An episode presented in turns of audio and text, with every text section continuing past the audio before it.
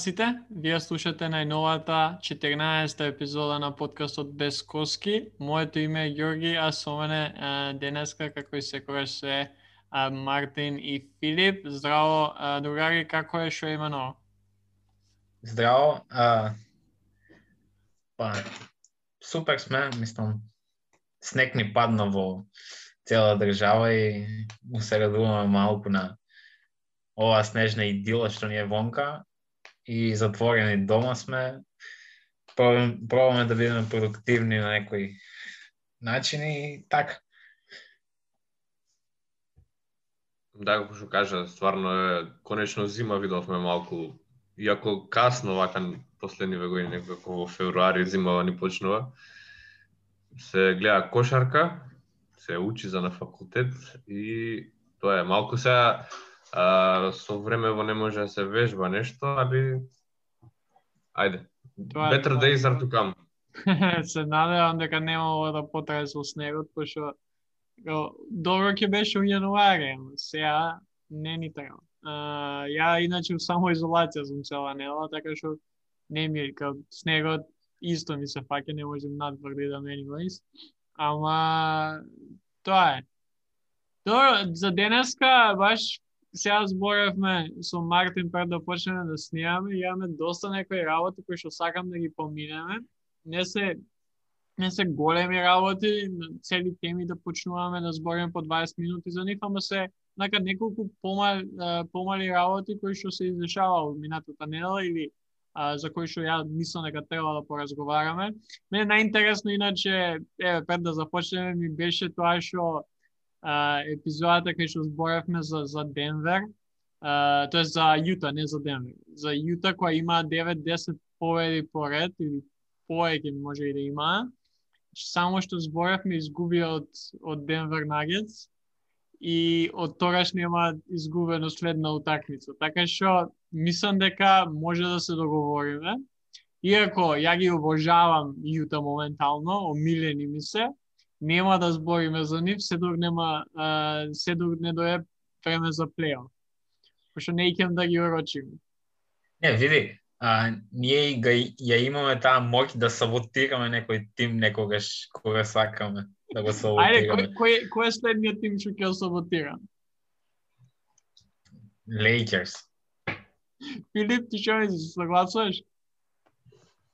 Може Lakers, м, може што знам, Lakers, вајда, Lakers е онака топ- Они топ и Јута, они и Јута се у најдобра форма моментално. Да, ми Да, мислам да. Lakers се најдобри, као 21 Може, е, да речеме, може би и Феникс.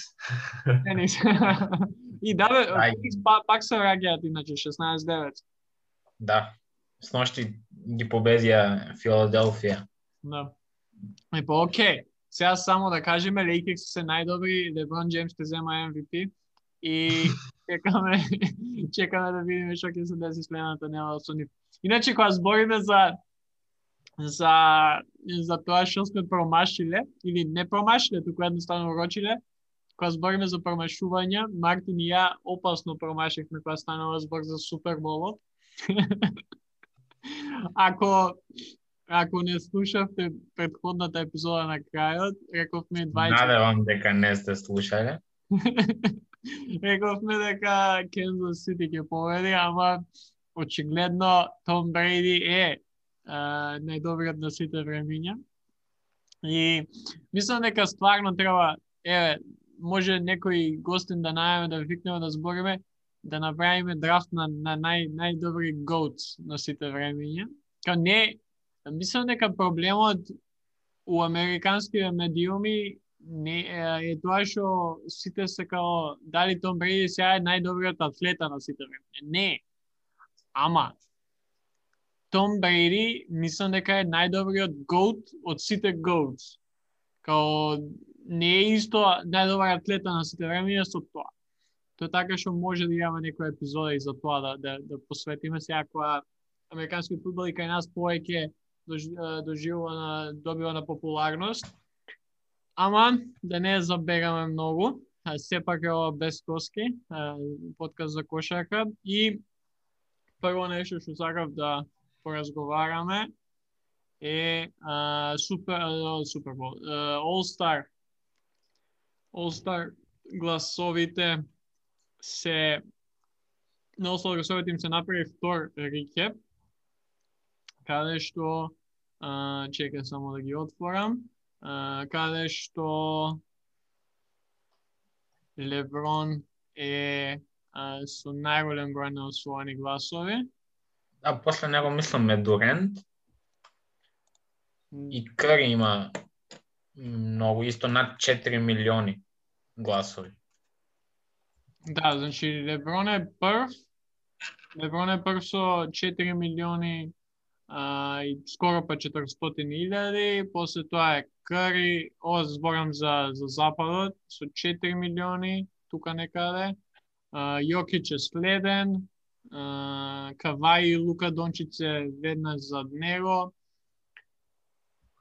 И следните се нормално. Ленар, Дейвис, а, го имаме и Лилард, и Пол Джордж е последниот со милион, после иде Зајан со скоро па 850.000. Кога збориме за Западот, а, убаво каже Мартин Дорент таму има највеќе, после, после, после идат Антетокумпо бит Бредли, кој шира феноменално, Ирвинг, Харден, Тейтум и Лавин, кој што има скоро па 1 милион гласови. Што мислите, правевме муавет минатава епизода за All Starов, дали дали мислите дека како се доближуваме се по по поблиску и поблиску ќе имаме All Star утакмица? Па веќе една недела, мислам, имаме една недела поминено и ништо нема, се нема сменето. И NBA лигата уште се тера по неин терк и мислам дека ќе има утакмица и само утакмица, без никакви slam dunk contest или three point contest, само утакмица. Да. Да, јас мислам така. Нешто што најмногу ме чуди, минатата епизода го спомнавме, Клей Томсон дека има толку многу гласови, The GOAT Алекс Карусо. Да, да. Многу Алекс... ниско. Многу ниско Алекс. Чекај, он е десети. Десети за бекови на, на западот. А Томсон е осми. Да. Прем... Сепак како и како и секогаш со самото дозволено нели гласање од страна на, на гледачите има но, секоја година се води овој аргумент дека некој не заслужува тука да биде толку високо, на пример на ледер. Она што вајда се заборава е дека popularity контесте, бидејќи, еве, како што рековме, Алекс Карусо тука, Клей Томсон, значи повреден, Кармело Ентони е десетти, а реално нема толку добра сезона за да биде на десетта позиција. Така што тоа е бака проблемов да речем со со Остаров. Јас што не, што не е толку голем проблем. Не, па гледај, не е проблем. А, проблем ќе беше ако сите два, на колку се 24 места се од фановите изгласани.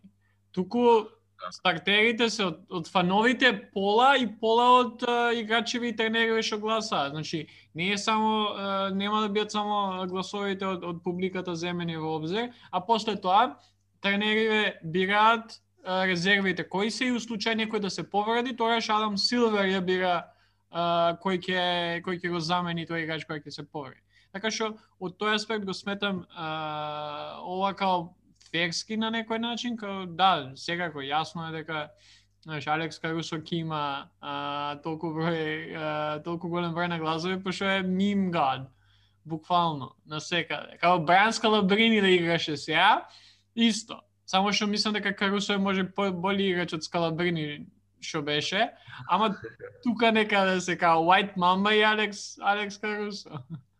Не, значи, фала Богу што лигата одлучи да пола од нив да се избрани, пола од публиката, бидејќи ако многу многу луѓе кога набројуваш најдобри играчи, сите ги зимаат како надпревар кој повеќе All Star има играно и тоа не значи, мислам, се гледа кариерата на играч и со All-Star настапите и, и тоа но, мислам значи за играчот и, и да има најдобра сезона ако не биде избран на All-Star викендот му се намалува вредноста.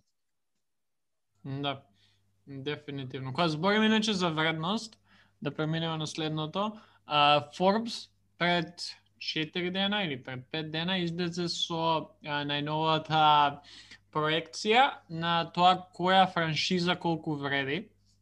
И а, на никое, на ничие изненадување, мислам, Нью Йорк Никси се се уште највредната франшиза во НБА лигата со околу 5 билиони а, вредност, net worth. А, Никси се а, трета франшиза у америчките спортови, која што го преминува тој прагот 5, били, 5 милиарди, 5 билиони а, вредност, а, приклучувајќи им се на Dallas Cowboys и New York Yankees. А, Warriors се втори, а, ги помина на Лейкерси и сега има 4.7 милиарди, а, 9% повеќе од ланската сезона. Лейкерси се трети со 4.6, Булси се четврти со 3.3 и Селтикси се се пети со 3.2 милиарди uh, net worth. Ај погодите кој е последен. Кливленд? А, близко си, ама уствари не си толку близко. Кливленд се 22. 1.56 милиарди. Чекај, чекај, чекај, чекај. А, А, Филип ги обожава. а Оклахома се ти таму. Не, не, не, не, не, не, не се Оклахома, ама Филип ги обожава. Не се тоаш Минесота. Не се, Минесота се 28 со 1.4. Што обожава Филип. А, Ајде, ајде, ајде. Имат многу Шак. јаки дресови. City jerseys. А, Мемфис тоаш, вајда. да, Мемфис се последни со 1.3. Или Мемфис или Торонто, ама Торонто се valuable, така што Мемфис. Не, Торонто, Торонто се некаде златна, а, тоест и, и повеќе од златна средина, сега ги барам, а, се 10 дури. 10 виж, 10, да. 2 и 15. А, последни се Мемфис, 1,3 милиарди. А, остануваат од ланската сезона се таму.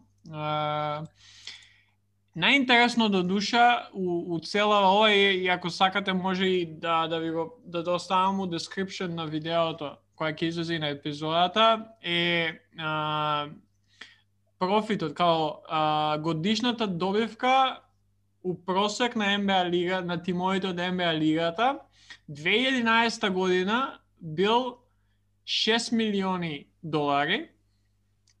Ај погодете колку е сега 9 години после тоа. Па, 10 пати повеќе. Филип, ти што ќе кажеш? М, Исто? 62 милиони е, долари. Милиони. Тоа е, е просечно секој тим, ако се собереси. Сега секако, а, еве, Гризлиси 22 милиони имаат, за а, просечно а, профит имаат, до душ, а Никс имаат 178, ама се заедно ако се земе, добивката на екипите у просек за ше, за за ш- колку за 10 про- за 10 пати е е поголемо од 2011 година. Погоди. Да, и тоа ми е онака мене ми беше интересно и сакав да да да да споделиме пошо зборавме и на почетокот како како НБА добива пари и се поеќе се проширува, иако, нели, сега со со короната а, малци имаат и намалување у добивката, а, 70 милиони беше била минатата сезона, тоест минатата година, 2019 2020 е 62, ама дефинитивно може да се каже дека НБА станува бренд и, и е онака доста голем бизнис моментално моментално во а, во, во, во Америка и во светот. како и секој спорт во светот. Да, ама, ама NBA доживува голем бум. И сега моментално ако си некој милиардер кој што има пари, прво нешто што сакаш да да имаш, ако си по спортови да да да купиш NBA тим. Не е веќе NFL. NFL може, ама NFL е малце поразличен. Бейсбол не сакаат сите да купуваат бейсбол франшизи, ама затоа најголем најголем интерес има за за NBA франшизи моментално. Така што да интересно ова. Трета работа, дали следевте што се дешаваше со химната на Америка, Далас, Далас Марк Кюбан што направи? Да, како не ги пуш... не се пуштала химната на, на домашните утакмици на Далас Маверикс. И, и сега, после 25 утакмици, 26-7, откриваат од НБА дека не ја пуштат химната на Мислам дека, значи мислам дека дознаа единствено поради тоа што Далас излегува за тоа као Кјубан излезе со изјава за сето тоа. Тоа ми беше најјакото. Зна, инаку за сите оние што не знаат, мислам дека е, ретки се таквите, сепак пред секоја утакмица, не само у НБА лигата, у сите спортови во Америка се пее нивната химна, Star Spangled, uh, Spangled Banner. И Марк Кјубан и Далас Меверик што направиле да одлучи одлучуваат оваа сезона да не ги да не ја пуштаат химната. Има неколку причини со кои што они излегоа. небитно се до тоа, мислам, поради тоа што е поеќе политички или поеќе у таа насока на на, на сите работи што се издешава предходно изминатата сезона, кој што не сакам да навлегуваме. Ама сепак Марк Кјубан одлучува и првите 13 или 14 утакмици на домашен терен, немаат химна се додека а, не излегува и одма веднаш после тоа а, NBA лигата излезе со сообштение дека не може ова Далас да прави бидејќи е policy, правило, Што мислите вие за сето тоа? Сакам баш тоа да ве прашам. Еве, Мартин, ти, ти си играл кошарка, Филип, ти играш кошарка. Дали има уопште смисла да се да се интонира химна која игра две екипи од една, една иста држава?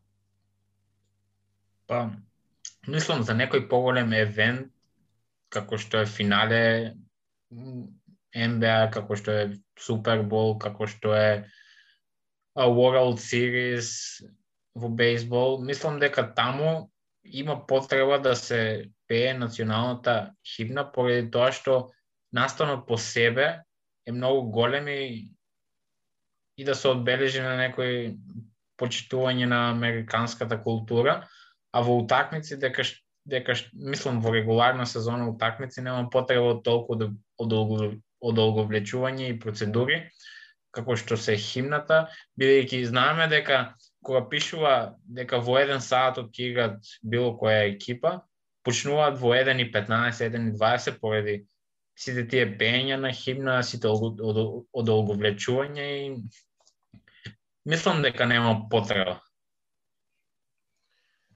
Да, ја би се согласил, онака може би како традиција е станато, ама и ти како што напомена Георги, две екипи од иста држава, да, некако на секоја утакмица тоа да е, да, може поредко да е, например, и плейоф да е, е по-окей отколку и како што рече Мартин за финале или Супербол или такво е прифатливо, ама да, губење време и са... Тумаче, тумаче.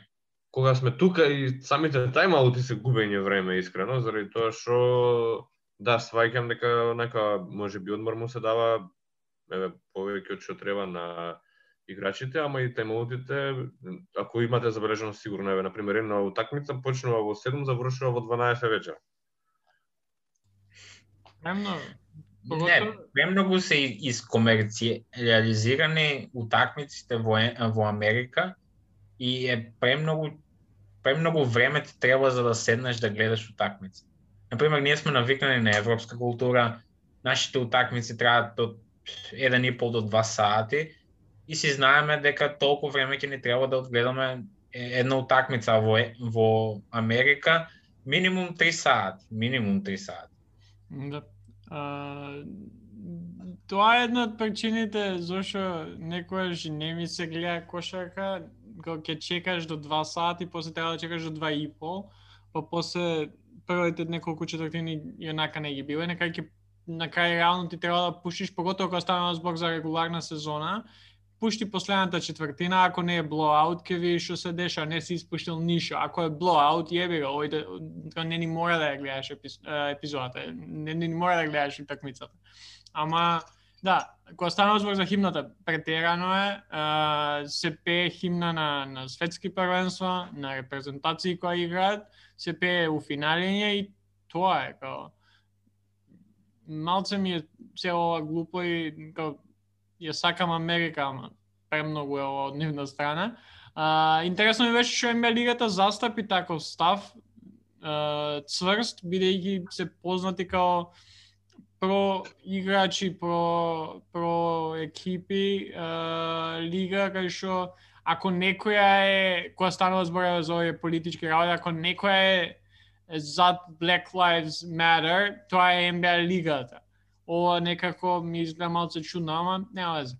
А, следно нешто што сакав да спомнеме е дека Лука Дончич е а, третиот најбрз играч, а, кој што има даено 4000 поени у кариерата во последните 40 години, мислам, да. А, на Дончич му требало му требаше само 159 утакмици да да ги да ја помине таа граница од 4000. Шек со 154 и Майкл Джордан со 134 се пред него.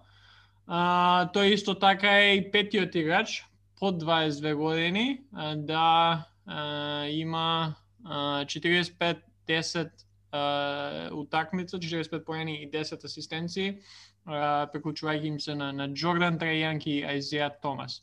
А, што ќе кажеште за Лука? Мислам дека игра малце топло-ладно сезонава, Далас уште поеќе топло-ладно, ама а, дефинитивно покажува зошто зошто е еден од нај а, најинтересните играчи у лигата моментално и а, водечка сила а, во во Далас. Па види, ако ги гледаш статистиките на Дончич, ичне игра топло ладно и се му се од 20 до 30 поени константно. Да, ама значи, многу промашува. Епа, епа тоа ми е, мислам, он има многу голем волјум на шутеви што ги зима и што ги промашува и затоа затоа Далас трпи, мислам во некои такмици Далас трпи поради тоа поради тие негови големи големи проценти на земени шутеви на екипата И, и проблемот моментално во оваа сезона е тоа што Далас Маверикс не игра толку добро и затоа се смета дека Дончич игра топло ладно. Иначе он не игра топло ладно, он си има константна, мислам има помеѓу MVP кандидатите тој не се боја, ама е тука, мислам со неговите статистики е тука. Дефинитивно. Филип? Да, јас се согласувам со Мартин. Вајда зема некој екстра шутеви и нормално е, мислам. Ама, да, како повеќе голем проблем е да речеме неконстантноста на Порзингис и самата изложеност на повреди на Порзингис, така што ја мислам дека го кажав овој пред на почетокот од серијалов дека искрено треба да се трейдува за Порзингис, не знам колку би добиле, ама нема трейд value Порзингис моментално. Мислам дека поради повредата, ретко која екипа би да. се нафатила да даде нешто премногу за, за него, а мислам дека Далас нема да, да, да земе знаеш, било шо, туку ќе сакаат голем ретерн. Да, не дека е лош играч, не дека се надам дека ќе се врати во константна последната утакмица имаш мислам 30 на поени. 35 да. мислам, да. Така што all up for grabs, ама не, не ми е константен. Се ајде give the benefit of the doubt дека со тек на време вајда ако ако не се повредува дека се врати во форматот, пошто знаеме сте колку е способен Порзингис. Сепак мислам дека треба да го трейдуваат ако може. Да, и, Да, да, и- Нема тим, нема тим, нема ростер на играчи што може да конкурира за повеќе. Да, и плюс ова ќе додав као Далас е познат да да зема шанса на на европски играчи, така што мислам ќе му дадат уште една-две години секако на Порзингис а, да се а, да проба да се уклопи со Лука, а после тоа може валјда Кјубан да а, да земе да да го трейдува некаде или да најде некој нов играч кој што може да да израсне во а, во, во некој солиден втори играч за за Далас. А, мислам дека ова е штета за Лука, иако Лука ќе има уште солидни 10 на 15 години ако ако го заобиколат повредите ќе има голема можност и, и е као светла иднина е пред него, ама баш би било интересно а, ќе ќе беше интересно да се види а, барем еве оваа сезона или следната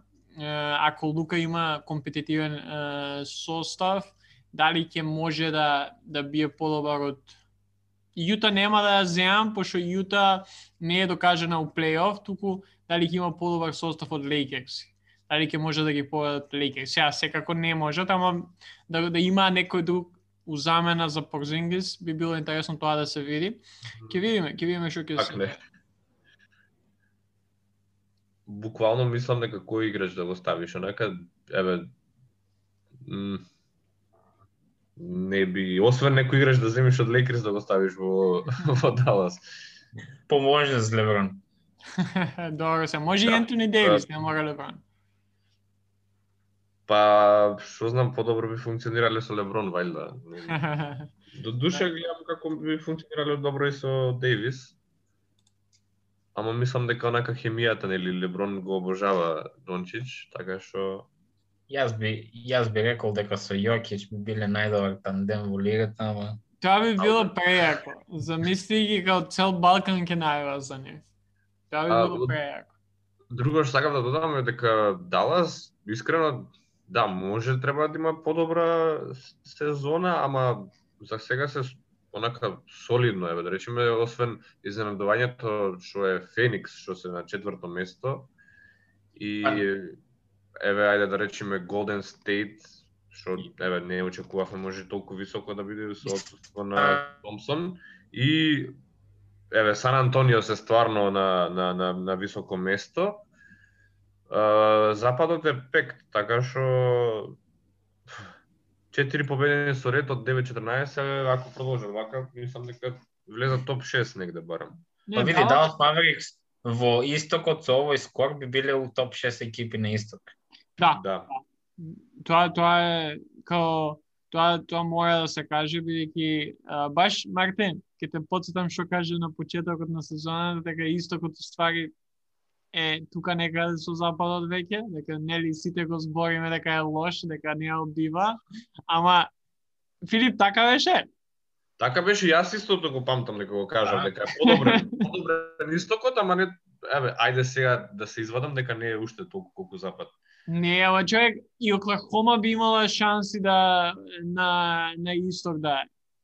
Реално, освен Минесота, која што Минесота имаше проблеми, Карл Антони Таунсин го немаше цела сезона, рече, си сега се враќа.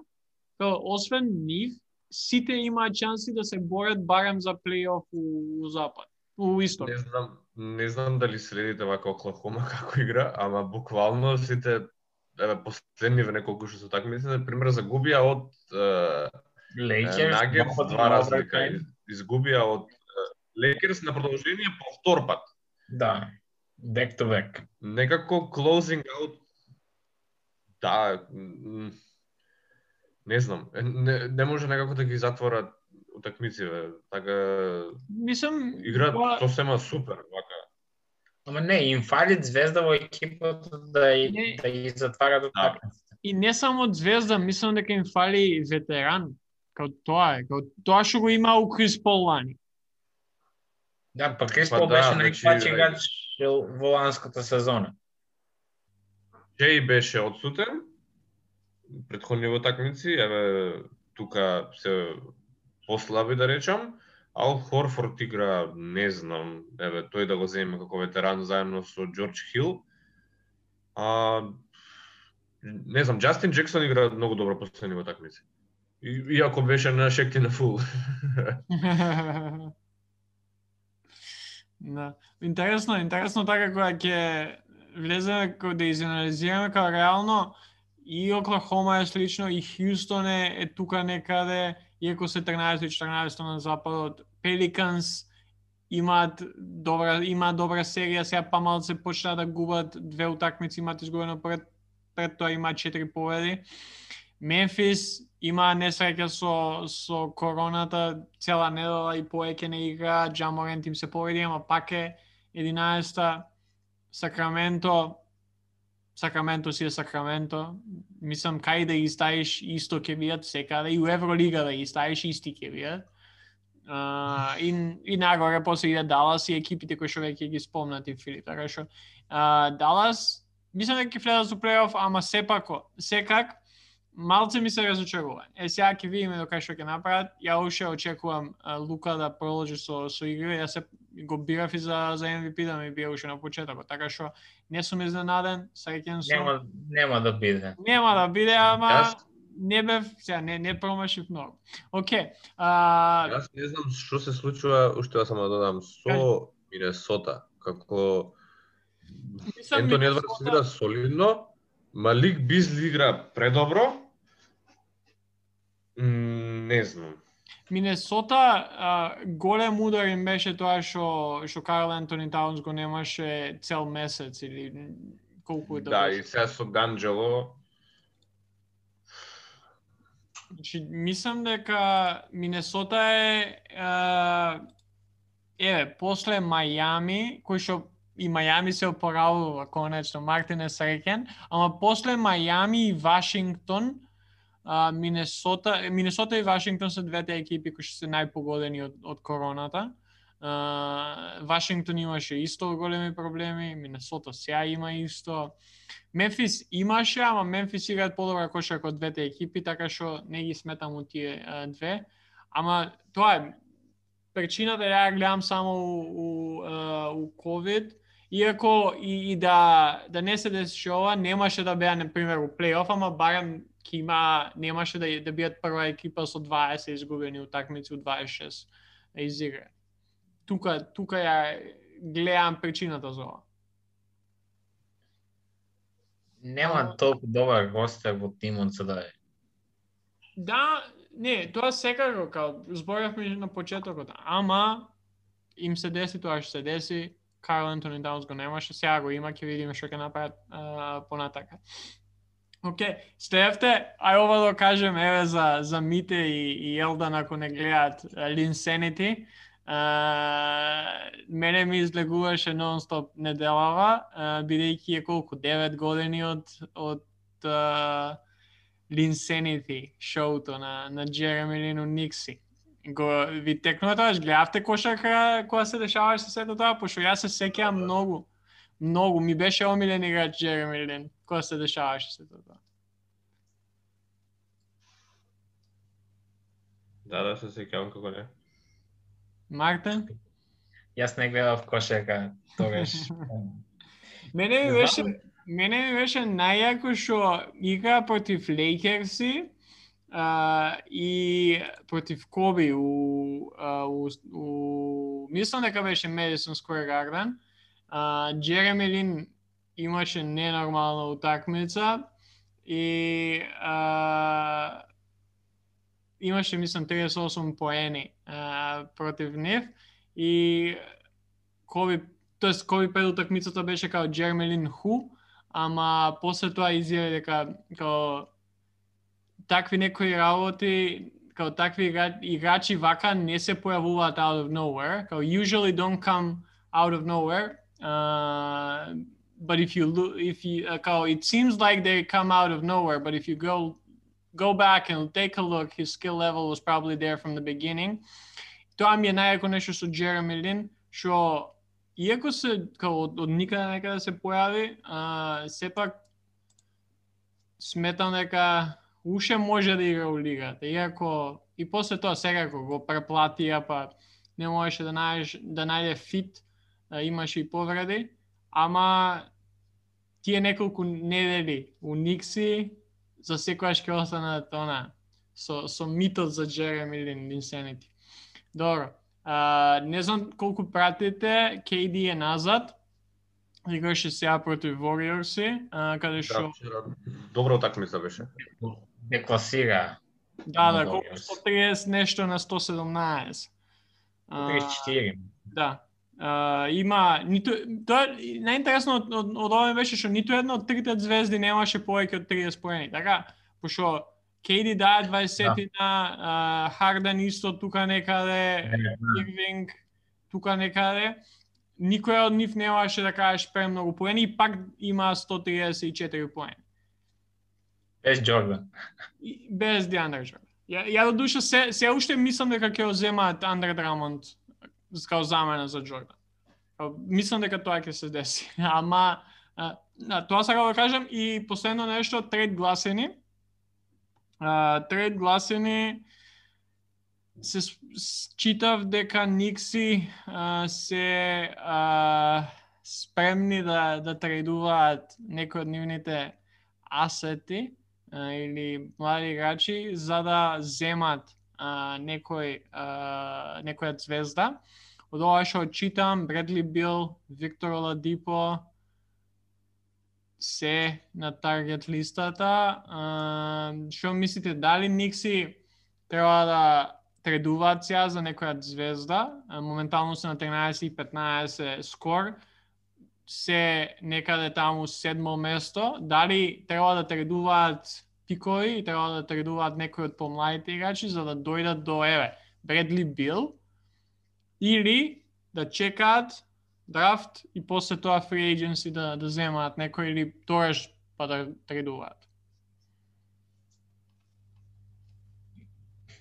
Па никас како големо маркетно маркетен пазар во НБА, мислам дека имаат големи шанси да земат некоја звезда преку free agency и мислам дека има доста млад, перспективен тим за сега, кој им треба додатоци на екипа да се разбира, ама мислам дека мислам може да се каже дека го почнуваат својот ребилд и да да го продолжат на начинот кој што сега се случува и да земат уште некои пикови во, прва рунда, да земат некои free agents некои играч од free agency што е добар, не мора да биде суперстар бидејќи моментално никој не ќе да оди во Никс, како што е со Jets исто.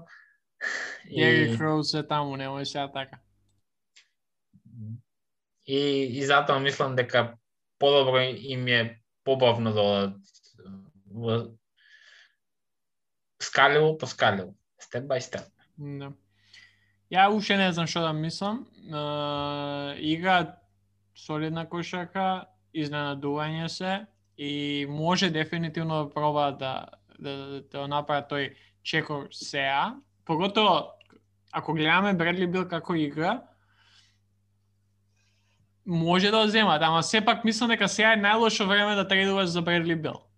Пошто сега му е пикот на Бредли Бил и Вашингтон ќе сакаат премногу за него. Така што еве, кажав дека не знам, ама сега после ова што што кажав гласно, мислам дека не треба да идат за Бредли Бил, треба да се почека. А, ќе видим. Филип, имаш ти некоја мислење?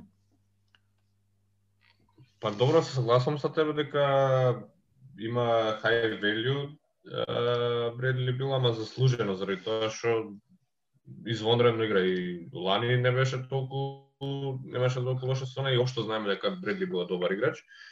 Така што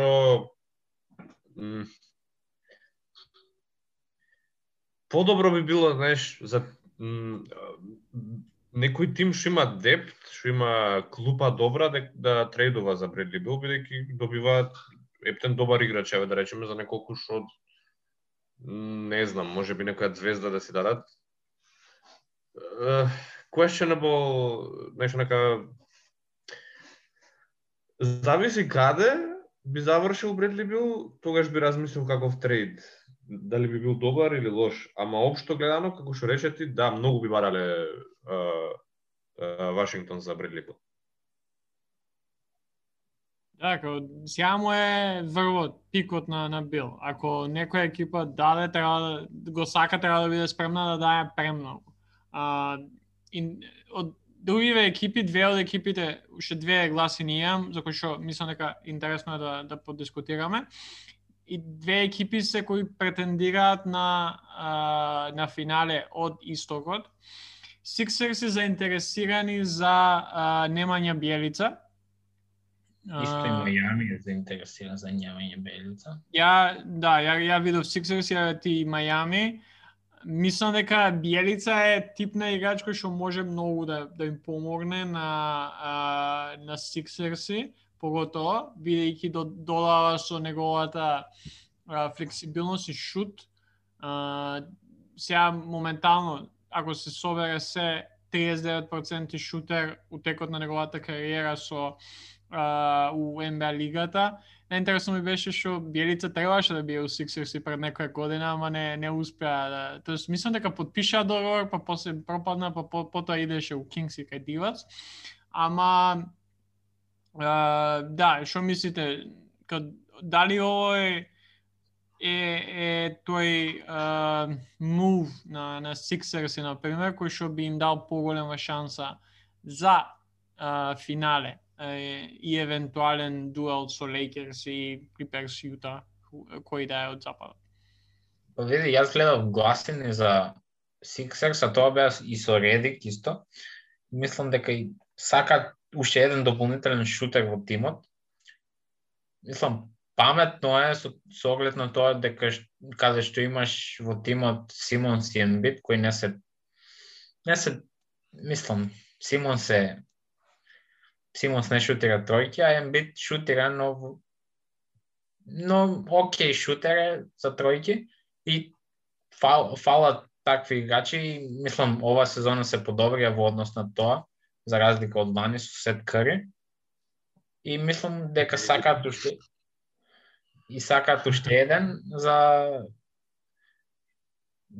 за напад на титула. Е сега, зависи што се спремни да дадат.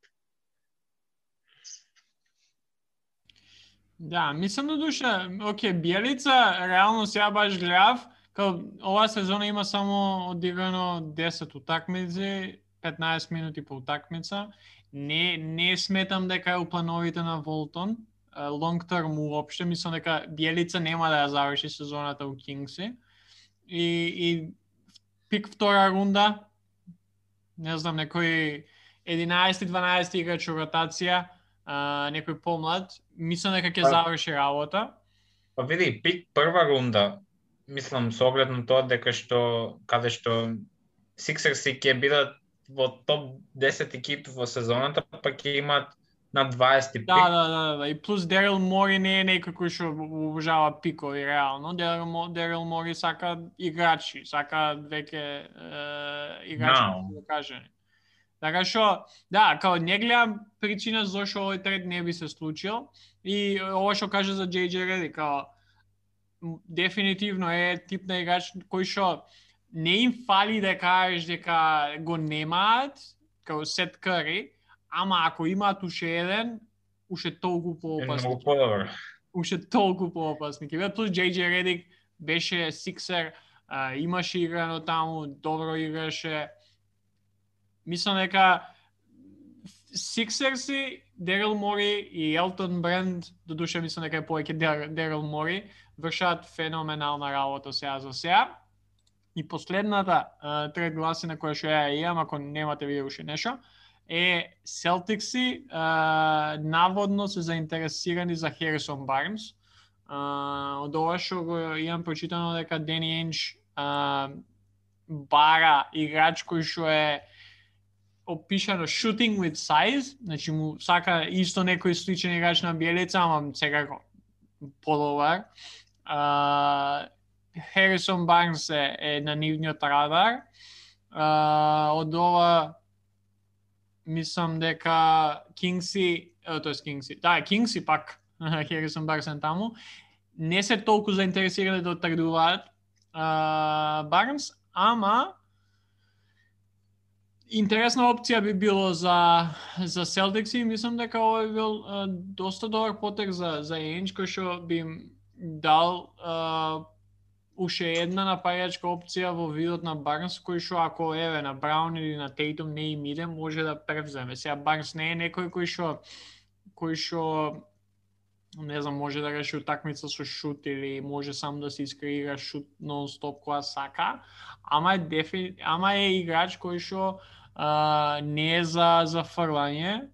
Сега неговиот а, договор малце е поголем, ама мислам дека Celtics има така 28 и нешто милиони а, traded player exception, така што тие 22 милиони кои што ги има Барнс на на договор не би биле проблем. Што што мислите вие за за Celtics и еве на потенцијален трейд на Барнс таму?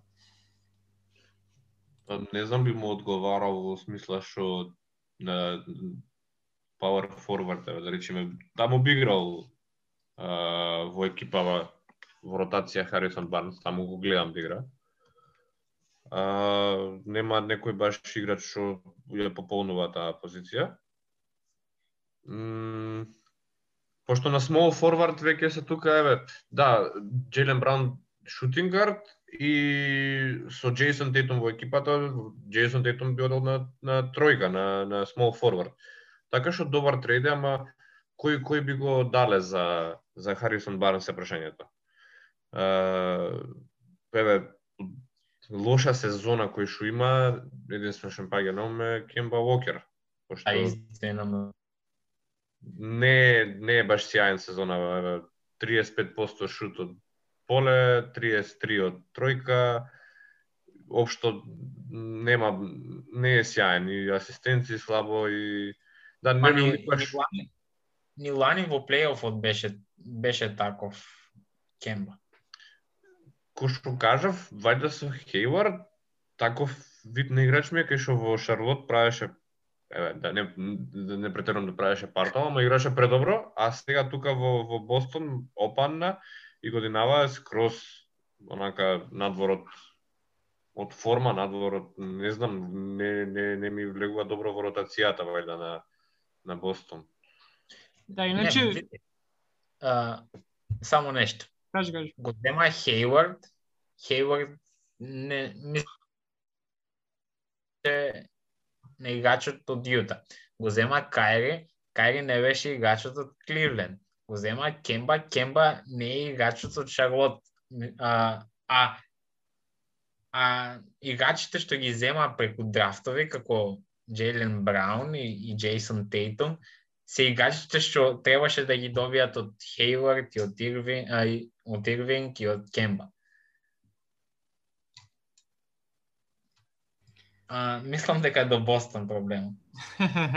дали дали Бред Стивенс стварно не знае, дост не не знае туку Бред Стивенс Океј, hot take може ова да биде, ама ќе ја кажем. Мислам дека Бред Стивенс е едноставно тип на тренер кој што е добар со млади играчи Да, ги развива младите играчи, а звездите... Да, како, ако гледаме како пред uh, као, немаше он професионално искуство, он дојде од Батлер, кај што со Батлер правеше растур од со толку мал а, мал а, коледж да да направи такви големи резултати кај што два пати идеше на NCAA турнирот, тоест на финалето.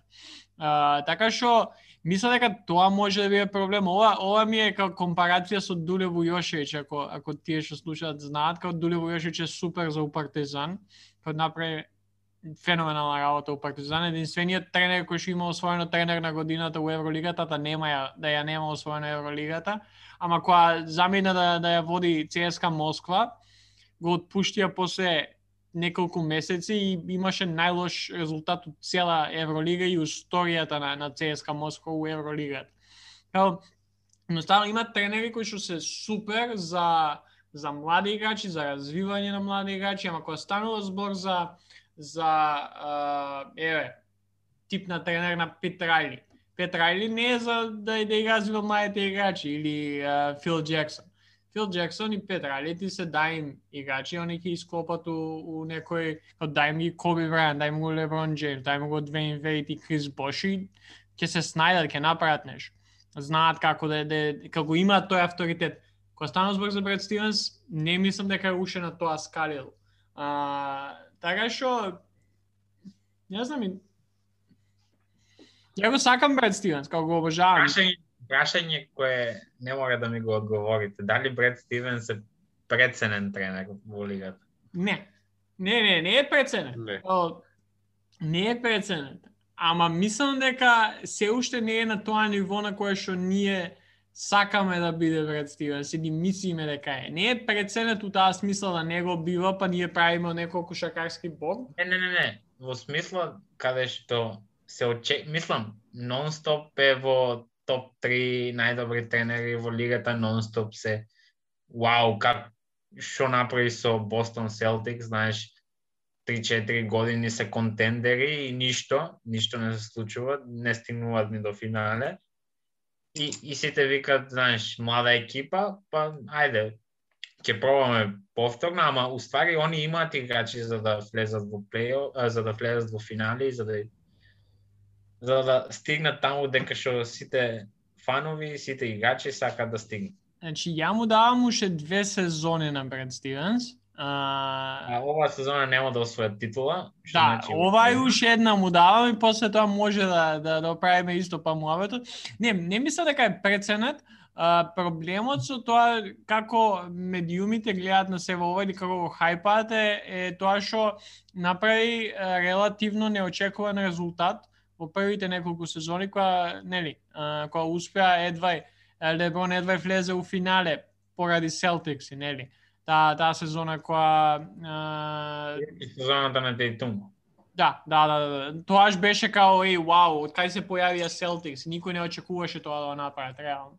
И од тука мислам дека почнува хајпот за Стивенс и после тоа го имаш Хейвард кој што by the way, не не мислам дека е до Стивенс дека се повреди Хейвард, тоа е едноставно флук повреда, а, Хейвард никој замисли Хейвард да, да играше на нивото на кое што еве сега игра со со Шарлот. Да, ама зошто зошто не играше во мислам Лани можеше да игра Ама- исто во Celtics како Да, сега што му пос, после повреда. Ама, ама, едноставно, не знам, као плеер... Не му се, као, има, као, чекај, Кајри Ирвинг не му се погоди. Као, реално, Кајри Ирвинг не мислам дека е, е проблем со, со Бред Стивенс.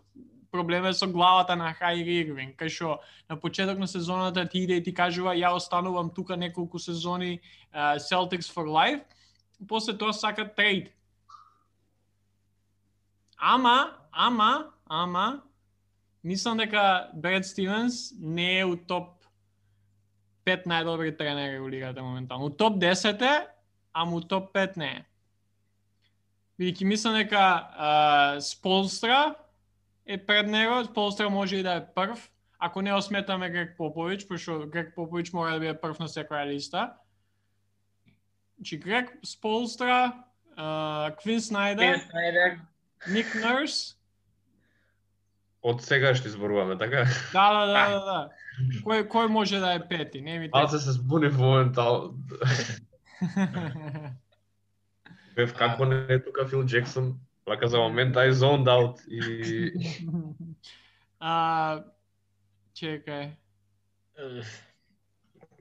Док Риверс, Док Риверс. Ама чекај, ама сега ако ако збориме за Стивенс дека не обива Док Риверс. Е, зошто добар тренер е Док Риверс? Да, ама Бред Стивенс е неколку Чолка. Подобар од него. А да, еве, ајде, нека бие е Бред Стивенс пети. Ја би го ставил. Ама тоа што кажав и на почетокот, као Бред Стивенс е супер за да направи играч, да, да, да, да му даде шанса на млад играч, да го насочи, да, да му помогне да, да, да се созре. Кога станува збор за, за правење екипа од звезди или правење екипа од ветерани, уште го немаме видено дали може тоа да направи. Сега, до сега, гледаме, не може, ама ја мислам дека има потенцијал за да ја помине таа граница и да да направи тој одскок. Така Океј, што- Филип, имаш нешто да кажеш? Па не. Океј, да, мислам, this is gonna be long, so да одиме на главната тема.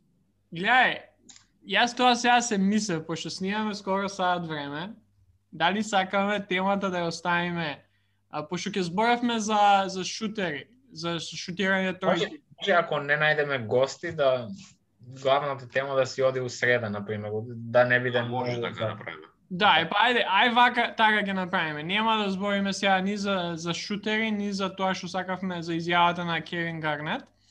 Ќе ја оставиме овие, ние ќе снимаме у, у среда, или ќе биде драфт, или ќе биде ова. А сега може да... И, Да, и и тогаш ќе имаме да. награди. И тогаш ќе Да. направиме награди. да кажам уште еден румор веќе. Ајде. А, JJ Redick за во Brooklyn Nets. Мислам, гледав шпекулации и ако го земат JJ 150, што сака, чекај, 150 у- поени по утакмица сакаат да даваат. Па за сигурност титула. Као, ја, ја, ја го обожавам JJ Redick. Мислам дека ми е топ 5 милиони играчи моментално лигат. Ама не би сакал да иде у Неци. Боле нека иде у Sixers. Ама не, он секако оди во истокот, бидејќи слушна, мислам, прочитав дека фамилијата му е таму и и Па сака не, да па се играше у, играше у Орландо. Играше у Орландо со години, после у, у Sixers. Sixers. Не знам дека беше на друго место, ама тука негде беше. Во Клиперс, мислам, играше, да. Clippers, да, да, да. Lakers, е, Clippers, е, LA. И ако во трейдот вклучат било кој играч, освен Харден, Ирвинг, Дурент, Херис, Бруклин Нетс е invincible. Као, човек, колку и да им даваш поени, нема, као, нема да биде никогаш доволно, пошто ти, е, што ќе му направиш ако го имаш, човек, у иста петорка. Го имаш Харден, го имаш Ирвинг, Джо Херис, JJ Редик и Кевин Дурент. Као, што сакаш ти? Драмон- Дали Да, Драмон тука ќе ќе влезе? Како? Дали Андре Драмонт ќе се уклучи во екипава? Значи, И Андре Драмонт ако го земат, пошто слушнав гласини дека може Андре Драмонт да си го откупи, тоа го кажа веќе три недели, да си го откупи договорот Да, да, да. Као, ако тоа го направат, ја престанувам да гледам кошарка. Као, At least, at least Ова беше некој сличен- И ова беше некој сличен потек на Дурант кој замина во Голден Стейт, да, да, да речеме. Не, сега, не до толку, ама да, во смисла да престанам да гледам кошарка, што рече. као, не, ама едноставно е, као, ќе бидат премногу јаки, освен ако не им се десат некои повреди, што секако не се надевам дека ќе се случат, ама ако ако ги донесат и JJ Redick и Андре Драмонд, а нема реално многу што да дадат за нив, бидејќи JJ Редик нема некој трейд value да- па да мора да даваш некој Ама, ама игра слаба сезона за има 8,9 поени по утакмица. Да, па тоа ти викам, нема трейд value. Андре Драмонт е у последната година на договорот, иако игра одлична сезона, не мислам исто дека ќе дадат многу за него, ако уопште нешто дадат. И е, ти ако ги додадеш JJ Редик, Андре Драмонт, на досега постоечкиот ростер со а, тоа што ги имаме Харден, Ирвинг, Добре. Джо Херис, они нема да дадат по 140, по 150 поени ќе даваат. The end is near. не знам, ова Ја не ја прв пат ја слушам иначе гласината дека JJ Редик може да иде у Нец. Се надевам нема да иде. Ќе биде поинтересно да иде у Sixers, барем Sixers ќе имаат поголеми шанси против Нец у плейоф. Да, или у Мајами. Секогаш добре дојде. Добро, може, еве, нека иде и у Мајами. Иако не мислам дека ќе има некоја голема шанса за у Мајами, ама За Драмонт се зборува дека за и Торонто се многу заинтересирани да го да го додадат вака во екипа. Мислам И дека Кажи. е, перфектно ќе им се уклопи у Торонто. Да, да, онака баш лек оф центар или добар центар да И речеме. плюс дефанзива човек. Као, Да, тоа да. тоа е Торонто. Така што вака топ две дестинации колку што разгледав, еве три, пошто и Бостон се тука вклучени и Бруклин. Е сега најмногу демидж реално од сите овие три екипи би правиле Бруклин, ја искрено мислам. Додуше и во Бостон би функционирал добро. Мислам, у, да, у Бостон би функционирал доста добро, на, на Торонто би им, би им дал некој солиден апгрейд, ама не, не мислам доволно апгрейд. Ја реков што треба Торонто да направи. Торонто треба да отредува Кайл Лаури. Толку е. А, Чекај, чекај да те питам нешто за ова. Дали, дали сакаш легендата на тимот да го трейдуваш? Например, Кайл Лаури, Лаури веќе има статус во Торонто како некој Дирк Новицки. Најдобар, најдобар играч во историјата на франшизата. А и дали дали би сакал таков играч да трейдуваш заради еве шампионски си мислам а, да целиш кон шампионска титула. Мислам, као, као фан, не би сакал, ама ако Торонто сака нешто да земе од, од да добие од него, пошто ова му е последна година на, на договорот и не мислам дека ќе ја продолжи. Ова е последна шанса нешто да земе од, а, од, од да добие у, у, у замена за Кайл Лаури, бидејќи сметам дека има екипи на кои што добро би им легнал Кайл Лаури.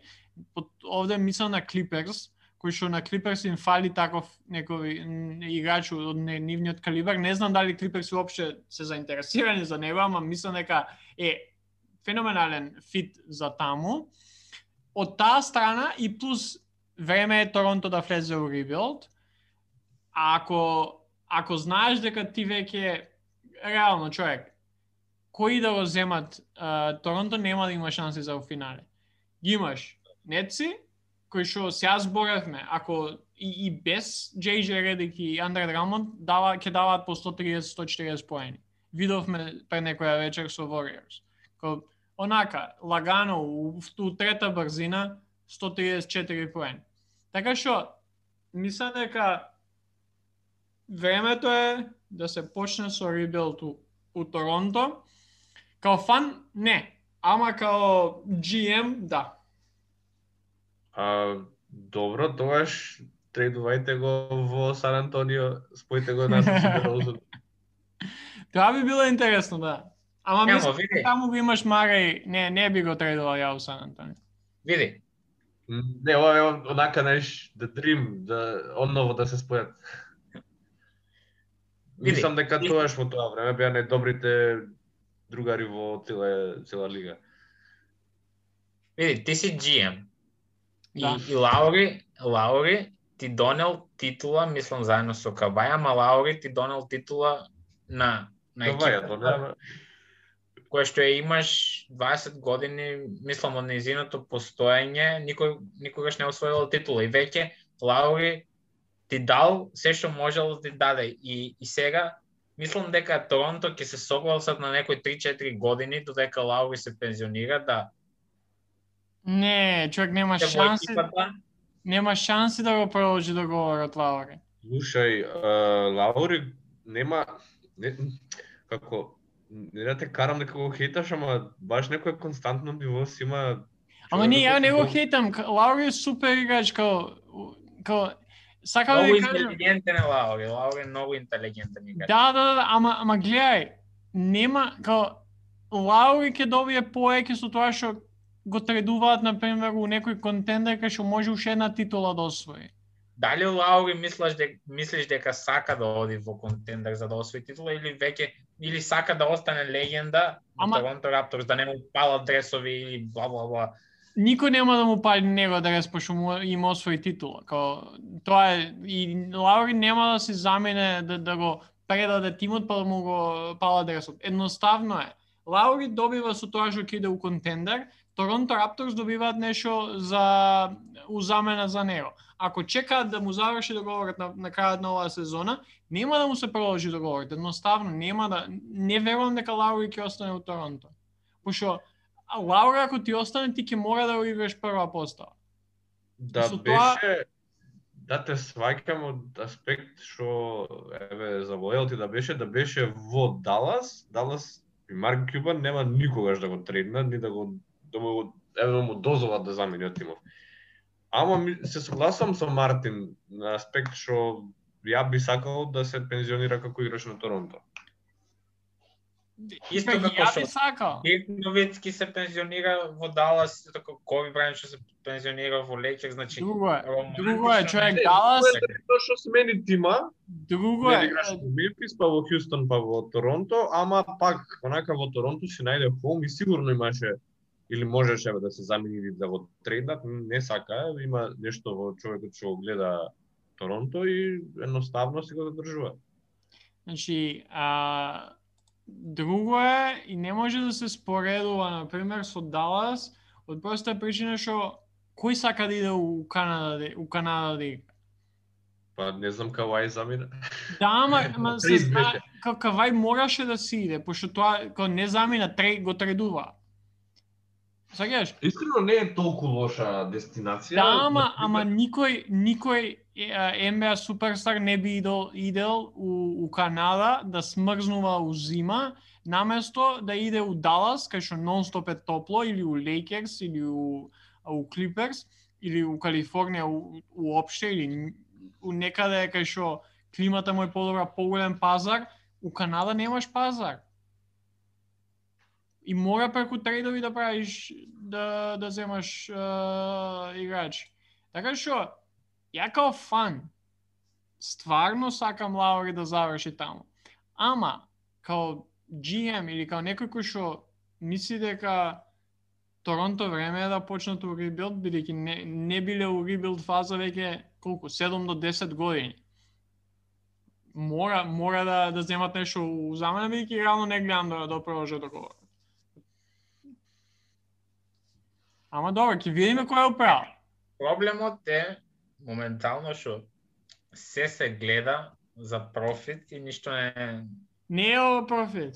Профит, профит е даваш даваш легенда на клубот за да да ја продолжиш мислам да земаш некои пикови и да не да не да почнеш ребилд туку да Значи, Мартин, окей, ај, ај вака у кошаркарски, у фудбалски термини. Лаури тие Чави и Ниеста што се за- што беа за за Барселона. Чави и Ниеста ја завршија кариерата у Барселона. не. Епа, истото ќе се деси и со Као Лаури. Едноставно. Добро, ама на пример, на пример Пујол и мислам Чави Неста сака да игра уште, ама не сака Дали мислиш да дека Као Лаури не сака да игра компетитивно уше? но не сака да бидат товар на Барселона за Па истиот е, Кај Лаури ќе биде само товар на, на Торонто. Кај Лаури не може да им го даде тоа што некој нов подобар играч би му го дал. Као Кај Лаури е супер, ама толку е на залезот на кариерата. Ама пак игра на, на истото ниво кај што играл скоро цела, еве, отворив не знаев точно до бројка колку има поени, ама во смисла а, само три сезони имал повеќе поени колку годинашна ова сезона. 21, 22, 19. Ова сезона има 17,4. Така Ама, што тоа е константно ниво или цела кариера. Разликата е што до сега играше со а, Демар Дерозен и со Кавај Ленар. Една сезона е без Ленард, Ама го имаше Сијакам лани. Сега и Сијакам го нема, кој што игра лошо. Да, ама пак е тука и, и Ван Влит. конфликт. И, и сега Рапторс нема да одат во ребилд. Не, Raptors нема да иде ребилд бидејќи се предобра организација и има добри а, а, добри GM и а, и што име вајс президент, као нема да идат у ребилд ала Sixers што идеа пред 7-8 години. Туку ќе идат у, у, у некој хибриден ребилд, кај што мора да и- мора да една-две сезони да не бидат у врвот, да да земаат добри пикови млади играчи, може некој трейд, може некој фри агент и пак да биат окей, Неци готово, после три сезони Рапторс повторно се наврват. Ама со Лаури не не не Лаури не им дава шанса за, на тоа. Лаури ќе ги влече само. И мислам дека Лаури не сака да игра а, некаде кај што знае дека нема да освои. Па зошто би играл? Види, не... Еве да речеме и со, со, со Дерозан, како на почетокот не беа нели толку јаки. Последните еве три така беше три сезони мислам дека во финале, полуфинале губеа конференциско од Леброн. А, така што не знам, ја гледам искрено потенцијал колку толку во Торонто заради тоа што Паскал Сијакам ако доволно а, вложи на пример во шут, во има страшни предиспозиции. Многу е висок, подвижен е, така што мислам дека може да го биде како добар играч. Ван Влит е солиден, стварно, значи јас не очекував. Буквално е Лаури 2.0.